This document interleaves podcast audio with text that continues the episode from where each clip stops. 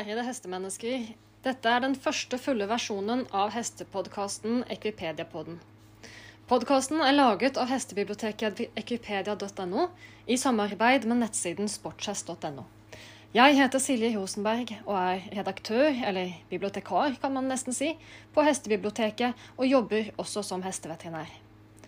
I denne episoden skal dere få møte forskeren som står bak den aller mest leste artikkelen på Hestebiblioteket, nemlig den som handler om de positive effektene vi ser på hester som trenes i en form som vi kaller for lang og lav.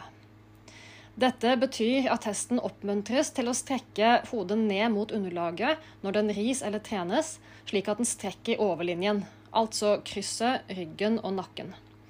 Det viser seg at hester som trenes på denne måten, blir mer avslappet, mindre anspente og gladere, men også mer balanserte og sterke i kroppen. Dette er en treningsmetode som vil være positiv for absolutt alle hester, uansett nivå eller hva den brukes til, enten det er en islandshest, ridehest eller traver. Og det er også noe alle hesteeiere fint kan ta med seg inn i sin egen hestehverdag og treningsplan.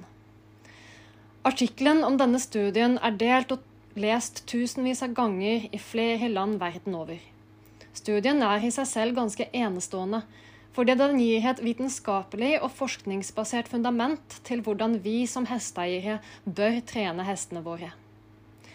Inger Lise Andersen er forfatter og forsker bak studien. Hun jobber ved NMBU i Ås, og forsker bl.a. på atferd hos hest. Kos dere med denne samtalen, og gå inn på Hestebiblioteket og les artiklene. Vel bekomme. Da har vi med oss Inger Lise Andersen. Er du på? Ja. Ja. ja. Jeg har introdusert deg litt i begynnelsen her før opptaket, men kan du begynne å fortelle litt om deg selv, det du driver med? Ja, jeg er ansatt som eh, professor i etologi og dyrevelferd på husdyrfag NMBU Ås. Eh, og der jobber jeg med det faglige temaet både undervisning og forskning. Eh, mest på produksjonsdyr, men jeg har også litt fokus på hest. da, Med i hvert fall noen mastergradsprosjekter osv. Og jeg underviser dessuten i et kurs i atferd og velferd hos hest innenfor hestevitenskap på NMBU. Ja. ja. ja. For forskning på hest Det finnes jo et forskermiljø på hest. Eh, både da den medisinske delen og mer atferd. Vil du fortelle litt om hvem, hvem det er, og, hva det gjør? Nei, altså Veterinærhøgskolen eh, flytter jo til Ås nå, som kjent. Og de har jo et eget forskningsmiljø og egen hesteklinikk osv. Så, videre, så de eh, jobber jo med helse og beinkvalitet mm. osv.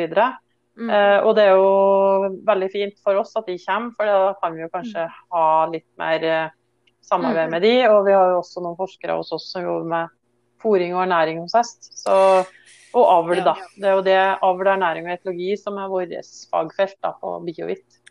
Ja, ikke sant. Ja. Mm.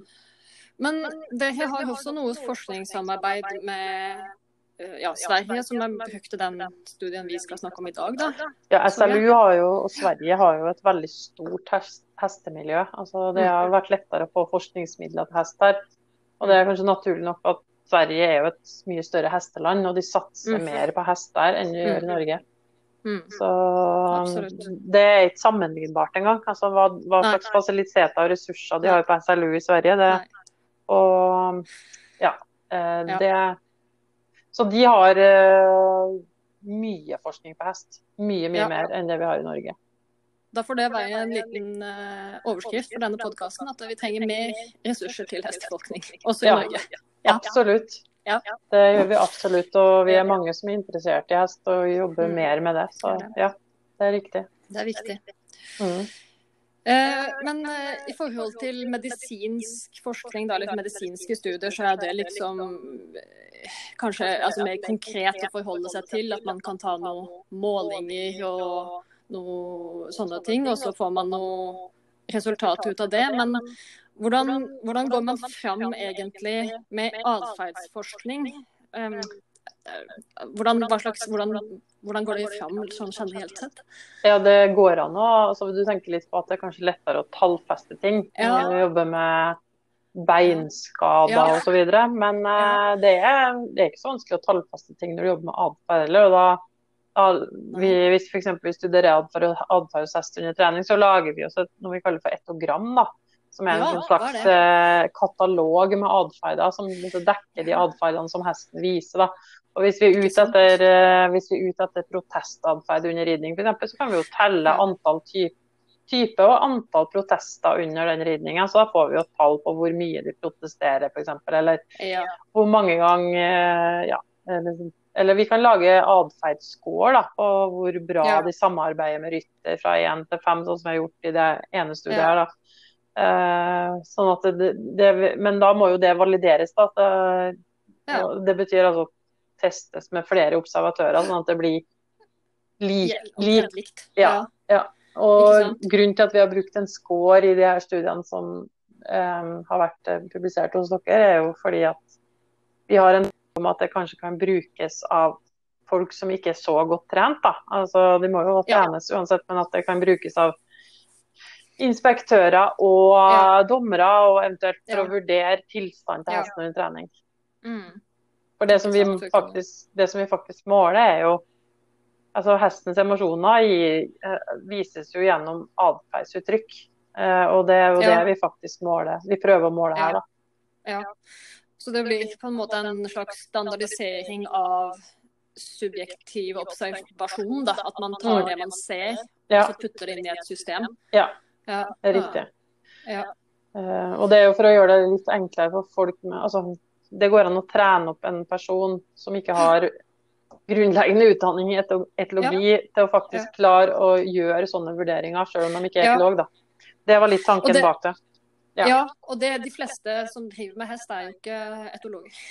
Nei, ikke sant? Sånn at eh, dette er jo, det er jo en veldig fin måte å få det brukbart for Ja, Få det folk flest. Ja. Mm. Det er Ja. Riktig. Mm. Mm. Men fortell litt om denne studie, studien da, som vi da skal snakke om. Eh, det er kalt den LSR. Ja, det står for dere eh. Og grunnen til at vi Først kalte vi jo lang og dyp ridning, men eh, grunnen til at vi endra litt ut det uttrykket, er fordi at eh, Mm. faktisk noen av den vitenskapelige litteraturen så er et likhetstegn med rollkur og, long, og Mm. lang og dyp ridning. Og det er jo, Mm. det er jo ikke Nei. tilfellet, men det er faktisk noen vitenskapelige artikler som også gjør Ja. den feilen. da. Mm. Det, og Derfor så kalte vi det longitudinal stretching during riding. Mm. Det er derfor det heter Mm. LSR. da, og det betyr Mm. at uh, hestene får lov å strekke overlinja si maksimalt da, under ridning, og at de Mm. senker hodet. Og dermed Mm. eh, altså bruke altså Det blir en slags pilatestrening, at de løfter ryggen og Mm. bruker liksom grunnmuskulaturen. Og sørger for at Mm. de bruker ryggen på riktig måte, og dermed får de også lengre steg. da. Det har med Mm. biomekanikken å gjøre, Mm. hvordan den fungerer. Mm. Hvordan kom dere på dette, da? Hadde dere noen liksom, noe tanker eller hypoteser på forhånd som dere ville teste? Eller? Ja, det starta jo med faktisk eh, eh, at jeg oppdaga en eh, hestetrener som nå bor i Danmark, men som har vært i Norge i mange år, som jeg ble kjent med. Som, eh, som har ridd veldig mye hest siden hun var lita, da, og som eh, har drevet litt med rehabilitering av hester som har vært stive og skada osv. gjennom sporten. Eh, og så rei jeg litt sjøl. Jeg rir jo sjøl privat. Eh, og så ble jeg kjent med hun, og så observerte jeg det som skjedde med hestene. Jeg hadde jo ikke noe veldig peiling på ridning når jeg starta med det sjøl, men det jeg har peiling på, det er atferdsutvikling hos dyr generelt. Ja. Og da så jeg de endringene som skjedde med de hestene, for hun har alltid drevet med den typen grunnridning. Da, og det står jo beskrevet i gamle lærebøker og uh, i, i lærebøker som vi bruker til våre studenter, at det med å la hestene få strekke seg, eh, men samtidig ha kontakt da, når man rir. uh, Mm. i en lang og dyp form, eh, det er veldig forebyggende. Da. At de får eh, løsna. Det er, løs, det er løsgjørende, og det er, Mm. eh, gjør at de bruker muskulaturen mer på riktig måte enn at vi på en måte strammer dem opp da, vi rir. Mm. Mm. Så det er rett og slett forebyggende trening, og det, jeg oppdaga at hun gjorde det. Og så prøvde jeg å, å sette det litt i system, for hun hadde på en måte et talent for akkurat det her. Eh, men mm. så prøvde jeg liksom å standardisere det. Vi har også vært i kontakt med eh, noen andre instruktører da, for å høre om hvordan de mm. gjorde det her. Men, eh, men, det var likevel et behov for å på en måte standardisere det. Mm. Sånn at det er mulig for en hvilken som helst annen person med mm. erfaring med ridning kan gjenta mm. den metoden, da, eller bruke og systematisere den metoden. Nå har jo en masterstudent, Linn Therese Olafsen, som faktisk bruker det i sitt treningsopplegg nå eh, med hest eh, profesjonelt. Da. Så, så, det er ikke meninga at det skal erstatte altså, Vi skal ikke bare ri lang og dyp rundt omkring med hesten hver dag og hver uke. liksom. Eller ikke hver uke, men, men at de skal ha det f.eks. én dag i uka som forebyggende trening. da for sportshester, fordi det, vi mener det øker både prestasjon og holdbarhet. Og at de kan prestere lengre i sporten hvis man forebygger på den måten. Så det, det er forebyggende trening. Og det er, det er en annen viktig funksjon at det medfører av, at hesten blir avspent. Ja. Og hester som ikke er avspent, de bruker på en måte kroppen bruker jo ikke kroppen ja, riktig skjevt. Det kan være mange andre ting. Altså, ja. Mm. Og, ja, og sportshester, sier du, men jeg tenker at veldig mange hester i ulike grener ville ha nytte av denne måten å trenes på, da, hvis, hvis man gjør det riktig. Absolutt alle hester vil ha, alle hester, også travhester, vil ha nytte av det. Og det går an å gjennomføre den metoden også med kjøring, eller med tømme, at man går med tømmekjøringsutstyr på bakken. Ja, eh, så, så, det er veldig mange. Og du kan også gå på bakken og gå ved sida av hesten og gjøre samme jobben. Uh, så det er veldig mange måter å gjøre Du kan til og med leie hesten, gå ved sida av den og få noe av den samme effekten. Så det er veldig mange mm. tilnærminger til det her. Men det, mm. hele poenget er at de får strekt overlinja, mm. og at de får mm. bygd opp grunnmuskulaturen i overlinja. For det, det, det som er rapportert også fra Agria, da, som er forsikringsselskap på hest, det er jo at eh, det er stadig flere eh, rygg- og nakkerelaterte eh, helseproblemer på hest. Og det er spesielt hos privateide hester, faktisk. Man skulle tro at det var større problemer i rideskolehester, men faktisk ikke. Eh, og det, det er et tankekors, fordi jeg tror at eh, jeg tror mange som lærer å ri rideteknisk, altså sånn det ridetekniske biten, men det er veldig viktig å kunne observere hvordan hesten reagerer på Mm. Hvordan vi rir, og hva slags utstyr vi mm. bruker. hva mm. eh, ja, Relasjonen til rytter, bl.a. Altså alt som medfører stress for en hest, vil jo medføre at eh, hesten da går eh, blir anspent. ikke sant? Mm. Og selvfølgelig så må jo hesten ha energi og mm. pågangsmot, holdt jeg på å si, som skal brukes i sprang og i sporten, så skal det jo være eh, en kraft og en energi der, men den skal ikke komme fra at hesten er redd, f.eks. Nei. Eh, Nei, det er. Det er litt forskjell. Så det er viktig å skille på de tingene der. En hest som er veldig på og energisk og mm. fram, det er noe helt annet enn en hest som er redd under trening, på en måte. Ja, Absolutt. Ehm, du, er flere, det er flere forfattere som er nevnt i denne artikkelen, eller vitenskapelige artikkelen. Mm. Så du hadde med deg en gjeng? Ja, hadde med meg en god gjeng. Du har nevnt, eh, du har nevnt noen av dem allerede. Ja. men uh, Sylvia Børten. Hvilke, hvilke, ja, hvilke brikker var med på en måte i, i denne, dette prosjektet? Ja, så Sylvia Børten var jo den som uh, har utvikla altså, mm. sin variant av den ridemetoden, da, selv om den har stått beskrevet i bøker, og andre gjør det kanskje på andre måter. Så det er hun som har det, var utgangspunktet for den, den, første forskningsbiten. Og så har vi vært i Sverige, og så har eh, Lars Ropstorp sett på det her og hatt tro på det her. og eh, Forskningsmiljøet SLU, og de da kom til Norge med sitt målutstyr.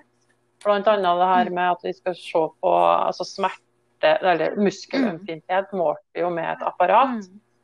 Eh, og vi målte steglengde osv. Eh, med, med, med, et mm. apparat som gjør at vi kan mm. få objektive mål. Da. Og så matcha vi de mm. her dataene med atferdsregistrering som vi har ekspertise på. Så det, det var en veldig god eh, kombinasjon, da. Eh, ja, for da fikk dere litt ekspertise inn fra andre kanter. Ja, da, så, og det, det, er jo det som vi ser fram til med på veterinærhøgskolen hit òg, at vi kan kanskje kombinere da, litt tverrfaglig på akkurat det her med velferd. da. Hvordan, og det med hvordan hesten har det under trening er jo ganske viktig for å, for å unngå ja. skader og for å øke holdbarheten til hesten. Men det er jo ikke det Og det er jo som regel, ja. det er jo som regel tverrfaglig? Eller ofte. Det er ofte tverrfaglig. Så mm. det er veldig ofte at eh, med å kombinere spisskompetanse på de ulike områdene, så får man mm. veldig gode svar, da. Mm. Hva, var da, hva var det de fant ut ut fra dette her? Altså både dette med mentalitet og avspenthet og styrke. Og så sier du dette om uh, smertereaksjon da, i ja. muskulaturen i overlinjen. Det Vi fant, uh, vi har jo gjort to delforsøk her. De første, det som er beskrevet i Wikipedia. Uh, det, er jo, det første mm. var jo et veldig lite forsøk, der vi bare ville teste ut metoden på åtte hester. og da var det, De var, ganske, var i ganske dårlig forfatning, noe av de. Men da så vi endringer. I løpet av 20 minutter så, så vi at hesten ble mer avspent. Vi fikk et mer positivt mm. atferdsuttrykk. Eh, mer evne, altså var mer positiv til rytter. Eh, og steglengden ble, ble, litt større etter hvert. Men det merka vi spesielt etter vi, had, vi had, tok jo imot eh, 14 hester i behandling en måned. Og da søkte vi etter hester og eiere som hadde en hest hvor de ønska å få det rehabiliteringsopplegget. Og da hadde vi jo da eh, te, eh, lang og dypridning tre ganger i uka. Eh, og da kunne vi teste forskjellene før og etter, altså før de starta på den rehabiliteringsperioden, og når de var ferdig med den etter en måned. og Det, det som var selvfølgelig eh, litt ugunstig da, var at vi, fikk, vi hadde ressurser bare til å drive med det en måned. Vi skulle gjerne hatt dem i tre måneder, f.eks. Mm. Og så mm. Men vi så jo de positive effektene både på atferdsuttrykk, samarbeid med rytter, steglengde i skritt og trav. Eh, og det er jo noe som mm. sporten ønsker. ikke sant? Lange steg i eh, mm. Og at de ja, de fikk De bar kroppen sin på en litt annen måte, osv. Så, videre. mm. så det, det, det, er jo litt der forskjell Endringer i det mentale blir på en måte overført til endringer i det fysiske. Da. Og Det er liksom det som er interessant med velferd, at det mentale henger sammen med det fysiske. Og hvordan gjør det det? Uh, og med mm. tanke på smerte eller uh, trykkømfintlighet i muskulatur, da, så så vi jo at den gikk ned. da. Uh, men så var det at hestene fikk en høyere ja, smerteterskel? Ja, at de godtok mer trykk. Men så er det jo litt sånn nå da, at noen som har var veldig stram i muskulaturen. De fikk faktisk økt muskelsensitivitet en periode. fordi når du løsner, Det blir sånn som oss da, ikke sant? når vi går til mm. kiropraktor eller fysioterapeut. Når du begynner å løsne på stive muskulatur, så blir det sårt en periode. Så da må du gå noen trinn tilbake før du får framgang. og Det er det som er litt problemet, at folk har litt dårlig tid. da, ikke sant? Fordi det, det hender at man må gå mm. tre skritt tilbake før man begynner å gå fram på en hest. Altså det, jo, altså det, det, blir jo det samme med altså hester som er toppidrettsutøvere, eller enten det eller folk. Det blir jo det samme. Fordi det, du skal bygge opp kroppen, ikke sant. Og med det formålet ytelser og prestasjon og holdbarhet, da helst. Mm. Så ja. Det var, det, var, det var, en ting jeg så i studien der som var litt spennende. og Det var jo at det, det var en forutsetning at hestene villig eller løsgjort gikk ned da i lav og dyp form. At hvis du tvang hestene ditt mm. på en måte, så fikk du ikke samme effekt. Nei, og det er jo ja, det er jo fordi at Hvis du prøver å tøye på muskulatur som er stiv og vond, så vil du få motstand. Men hvis du da tar det gradvis, og at du har hesten altså Utgangspunktet vårt er jo, og vår filosofi er jo samarbeid med hesten. Og hva innebærer det? Jo, det innebærer jo at du skal motivere hesten til å bli med på de tingene som du ønsker å oppnå. da.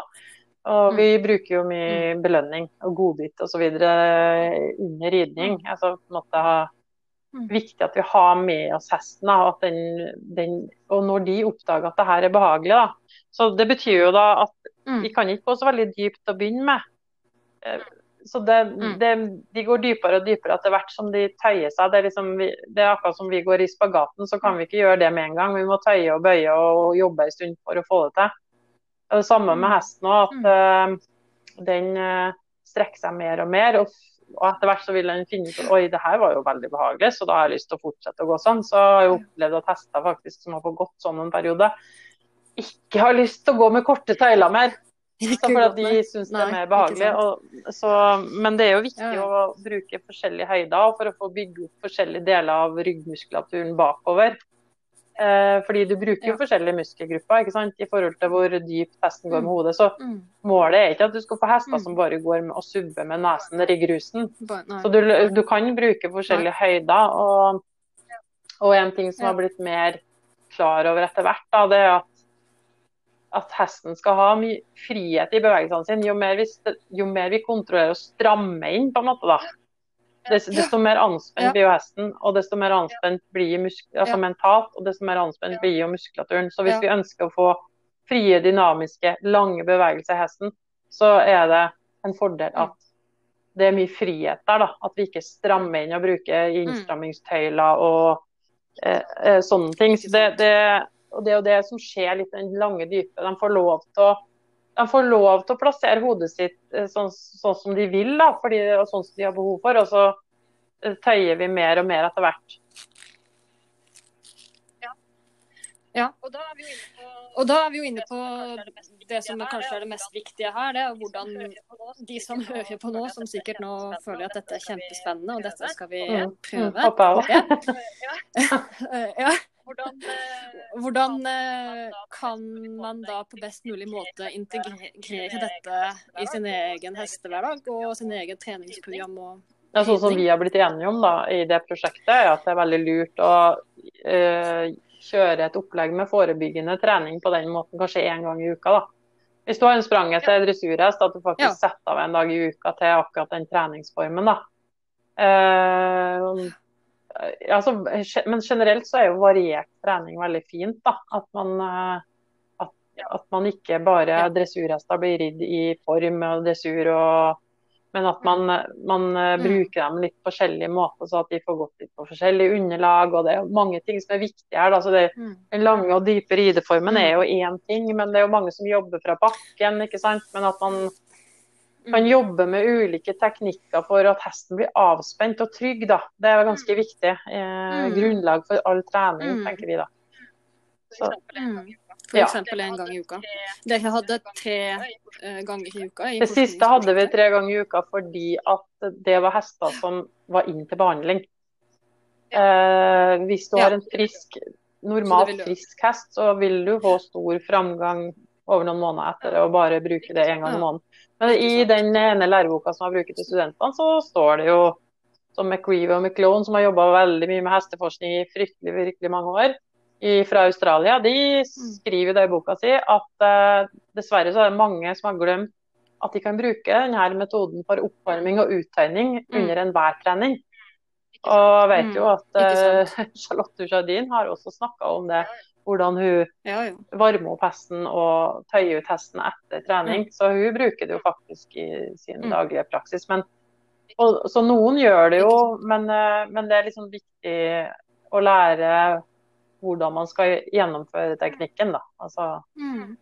Sånn at det mm. ikke Ja, for det er ikke bare Nei. å få den til å gå der med noe tøyler og innspenningsting? Nei, det, i og med at uh, hvis du bruker innspenning Altså, jeg er jo ikke så veldig for innspenningssøyler, fordi at da bruker du jo tvang, ikke sant. Så min, mitt utgangspunkt er jo at man skal motivere, stimulere hesten til å velge riktig, ta riktig valg. Eh, og da må man jo altså, ja. Så det er et helt annet inngangsvinkel enn å sette på innstrammingstøyler. Fordi da får du utgangspunktet Da er det tvang som er utgangspunktet. Mm.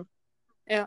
Fins det noen mm. måter, det noen måter man kan lære mer om selve teknikken på? Så Fins det noen bøker eller kurs eller treninger man kan melde seg på? Hvordan kan man gå videre? Eh, vi har jo hatt, hatt, noen klinikker. Jeg føler jo at, eh, jeg har jo følt at det er mer mottagelighet for det her i utlandet. da. Vi, men uh, vi har Sylvia og meg, vi hadde jo noen klinikker her for å vise det her. og Det går jo, det går jo ikke bare på lang og dyp, men det går jo liksom på hvordan kan et økt samarbeid med rytter og hest. Eh, hvordan kan det mm. at rytteren tar det inn over seg eh, og lærer å observere hestens signaler, hvordan kan den kunnskapen eh, bidra til at det, den ekvipasjen eh, får det enda bedre. da. Altså, at mm. rideopplevelsen blir bedre, at eh, prestasjonen kanskje blir bedre. Eh, vi påstår jo det. at Vår mm. påstand er jo at både prestasjon og, holdbarhet blir bedre. Og opplevelsen til rytteren vil bli bedre. Fordi det er mange, jeg opplever jo det i de masterstudiene vi har gjort og de observasjonene vi har gjort av ekvipasjer, at det, det, det, er noen som er bevisst på det, men så er det andre som ikke er bevisst på det. Og det er ikke fordi at de er ondskapsfulle, det er rett og slett fordi de har uh, mangel på kunnskap om det. Så um, vi, vi, har jo et ønske om å lage kurs på det.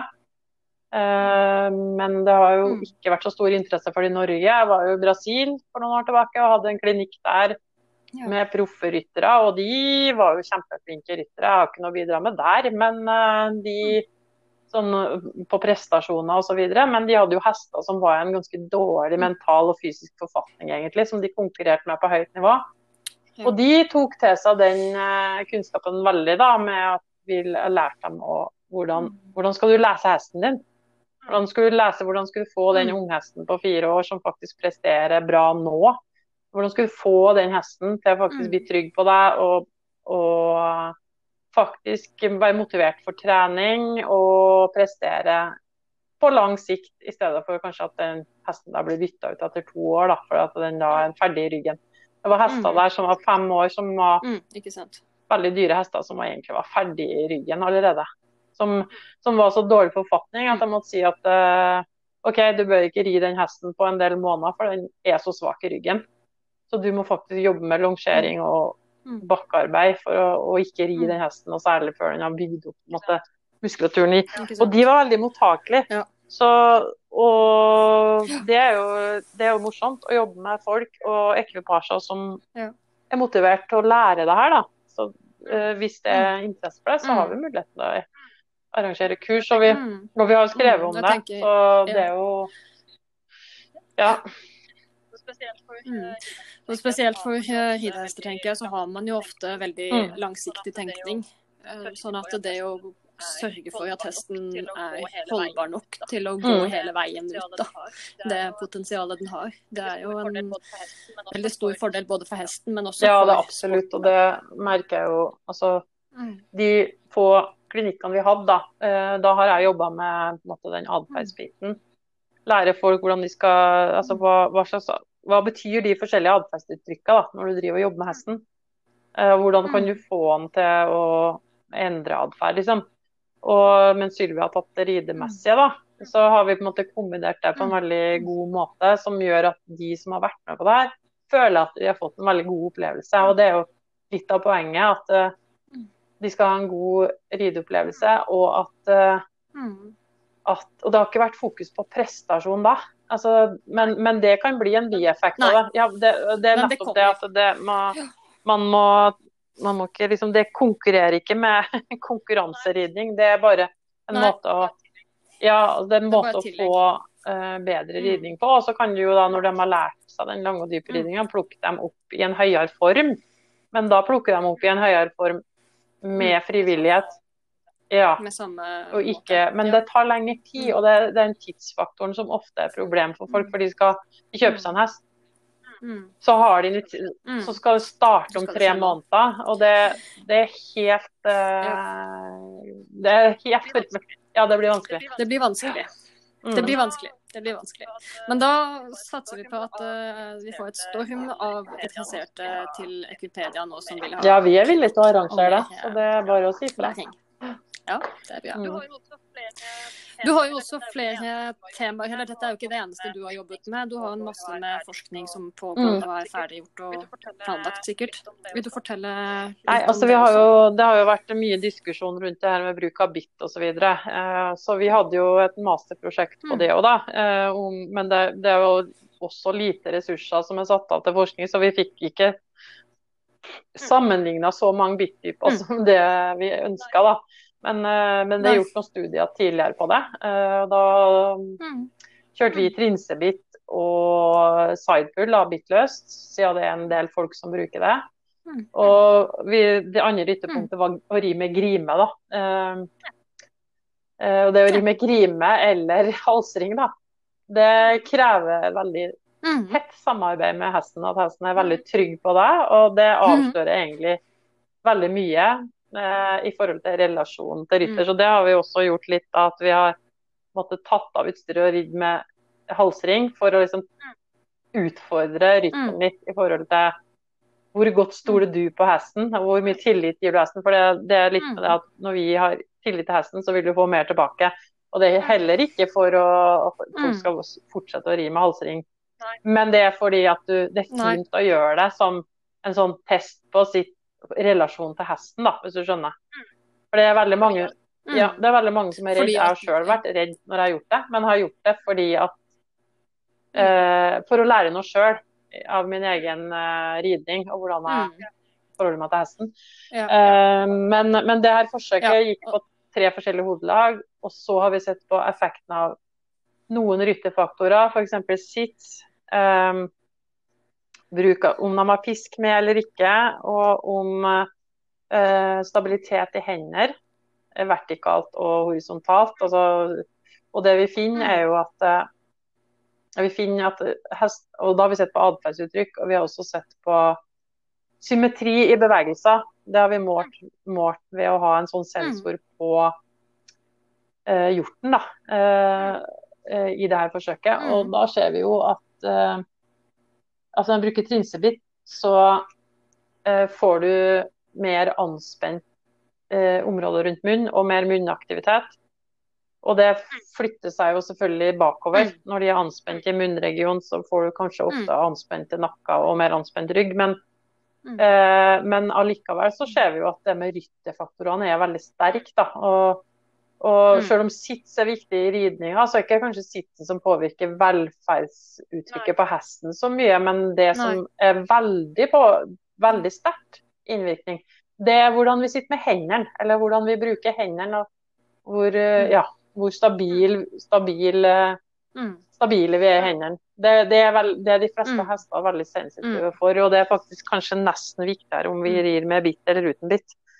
Og Det er det, det studien viser. Og Andre studier har også da vist at eh, eh, det er bl.a. en fra ja, en utlending som heter Cook, som har uh, jobba veldig mye med bitt. og Han Mm. finner jo da bl.a. at eh, eh, hester viser mye mer smerteindikatorer generelt da, når man bruker bitt enn når man rir bittløst. Eh, og det er jo fordi at altså, Mm.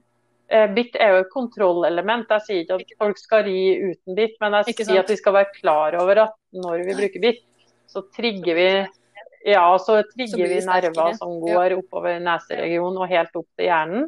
Ja. Eh, sånn at da må vi være litt mer eh, ydmyke i forhold til hvordan vi, hva vi faktisk gjør når vi Ja. sitter på hesten. Fordi vår første forsvarsmekanisme er jo at vi drar med hendene, ikke sant? Og spes- Ja, ja, og man blir vel en mer eh, forsiktig og riktig rytter òg, jeg, hvis man ikke har så mye Mm. maktpåvirkning. Altså hvis man må rime halsring, eller Ja, altså, på en måte kjenne hvor hesten er. Så, Så Derfor så har jeg sagt til folk som ikke har ridd før, som skal prøve å ri f.eks. mine hester, da, at da skal de ri uten bitt først, og med lange tøyler, Mm. fordi da får hesten til Da starter de den relasjonen med at Mm. de får mer tillit fra Mm. hesten. Det betyr ikke at man skal ikke Mm. ri uten bitt til enhver tid. Altså, jeg tenker sånn, Sikkerhet må jo bety mer enn velferd. Det er jo klart når du drar ut på tur og sånn. Mm. Men det som forskninga, det som forskninga viser, er faktisk at stangbitt er mindre skadelig på mange måter enn eh, toledda trinsebitt. da. Eh, og det var jo ikke jeg klare før jeg begynte å gå i dybden på det her. Altså, så det er jo litt viktig å, å tenke at. Det, det er kanskje et spørsmål om bitt, ikke bitt nødvendigvis, men det er veldig viktig å vite hva vi gjør. Og være litt ærlig på det, og så faktisk måle fakta da, på hvordan vi påvirker det dyret. For det er jo ikke en maskin, det er jo en, et, et Ja. dyr med massevis av uh, smertesensorer, spesielt i munnregionen. Da. Så det er viktig at vi Ja. ja. Og det vi, ja, og, og det vi vet, det er jo altså at en, av, en avslappet og glad hest er både mindre skadet og presterer bedre enn en spent og Mm. ukomfortabel hest. Så det vi kan gjøre for å komme dit. Vil... Jeg tenker at det vil gagne uansett hva slags sportsgren du driver med, og uansett uh, hvilke mål du har med hesten.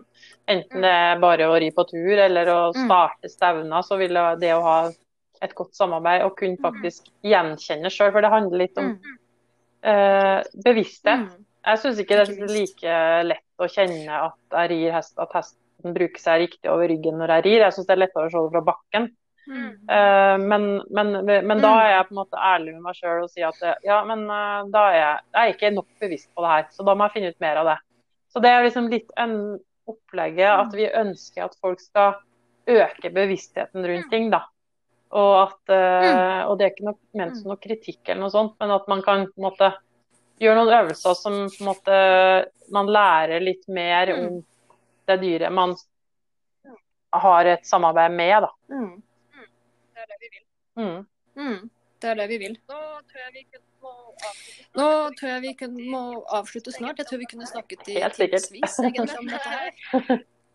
Men ut ifra det du jobber med og de erfaringene du gjør deg um, i arbeidslivet ditt, vil du komme med noen konkrete tips tips um, som hestefolkene der hjemme kan ta med seg for å øke velferden til hesten sin? Da? Ja, altså det er jo litt det her generelt med hvordan man trener hesten, eller hvordan man uh, bruker hesten i det daglige. Altså er det kriterier for samarbeid. Hvilke kriterier har du for samarbeid med din hest? Altså, uh, jeg vil jo si at det første kriteriet er at man faktisk tar seg tid til å observere. Eh, og at man da ut fra de observasjonene man gjør den dagen, kanskje da bestemmer OK, i dag eh, er du litt eh, småhalt, da må jeg finne på noe annet. Eller i dag er du Hvis du har et plan om at du har et program den dagen, og du har en hest som er veldig stressa fordi det blåser eller et eller annet dårlig vær, et eller annet som har skjedd, at man da har evnen til å endre de planene. da. Sånn at man kan ta hensyn til dyret når man gjennomfører treninga. Og at man faktisk da på en eller annen måte belønne hesten når den gjør framskritt. At, at, man ikke tar det liksom bare for gitt, og at man mm. da når man kommer til punkt én i, i, programmet og har klart å gjennomføre det, at man da ikke bare går videre til neste punkt med en gang, men at man kanskje mm. ja, eh, belønner framskrittene, da. Eh, fordi at da har du en hest som er mer motivert mm. neste gang du skal trene med den. Så kort sagt både lære seg å se. Kort sagt både lære seg å se hesten sin og, og belønne Ja, for det er veldig lett for, og det vet jeg med meg sjøl òg, det er veldig lett å gå ut og så bli sånn snurt. fordi at nå syns jeg, synes jeg faktisk jeg behandla deg så bra, og, og, så får jeg så litt igjen. Altså det, det er ikke noe vits det vet jeg sjøl med meg sjøl at det, det eh, kommer ikke jeg noe langt med. det er ingenting i forskningen som sier at det er noe gunstig måte å håndtere det Nei. Nei. Nei, men da hører vi på det. Men da sier jeg men da sier jeg tusen takk for samtalen for denne gangen, og så håper jeg på flere ja, mer, mer, spennende forskning mm. fra deres side. Og som sagt økt eh, ressurser til hesteforskning ja, det går vi for. i Norge. OK. takk. Tusen takk skal du ha. Ha det bra.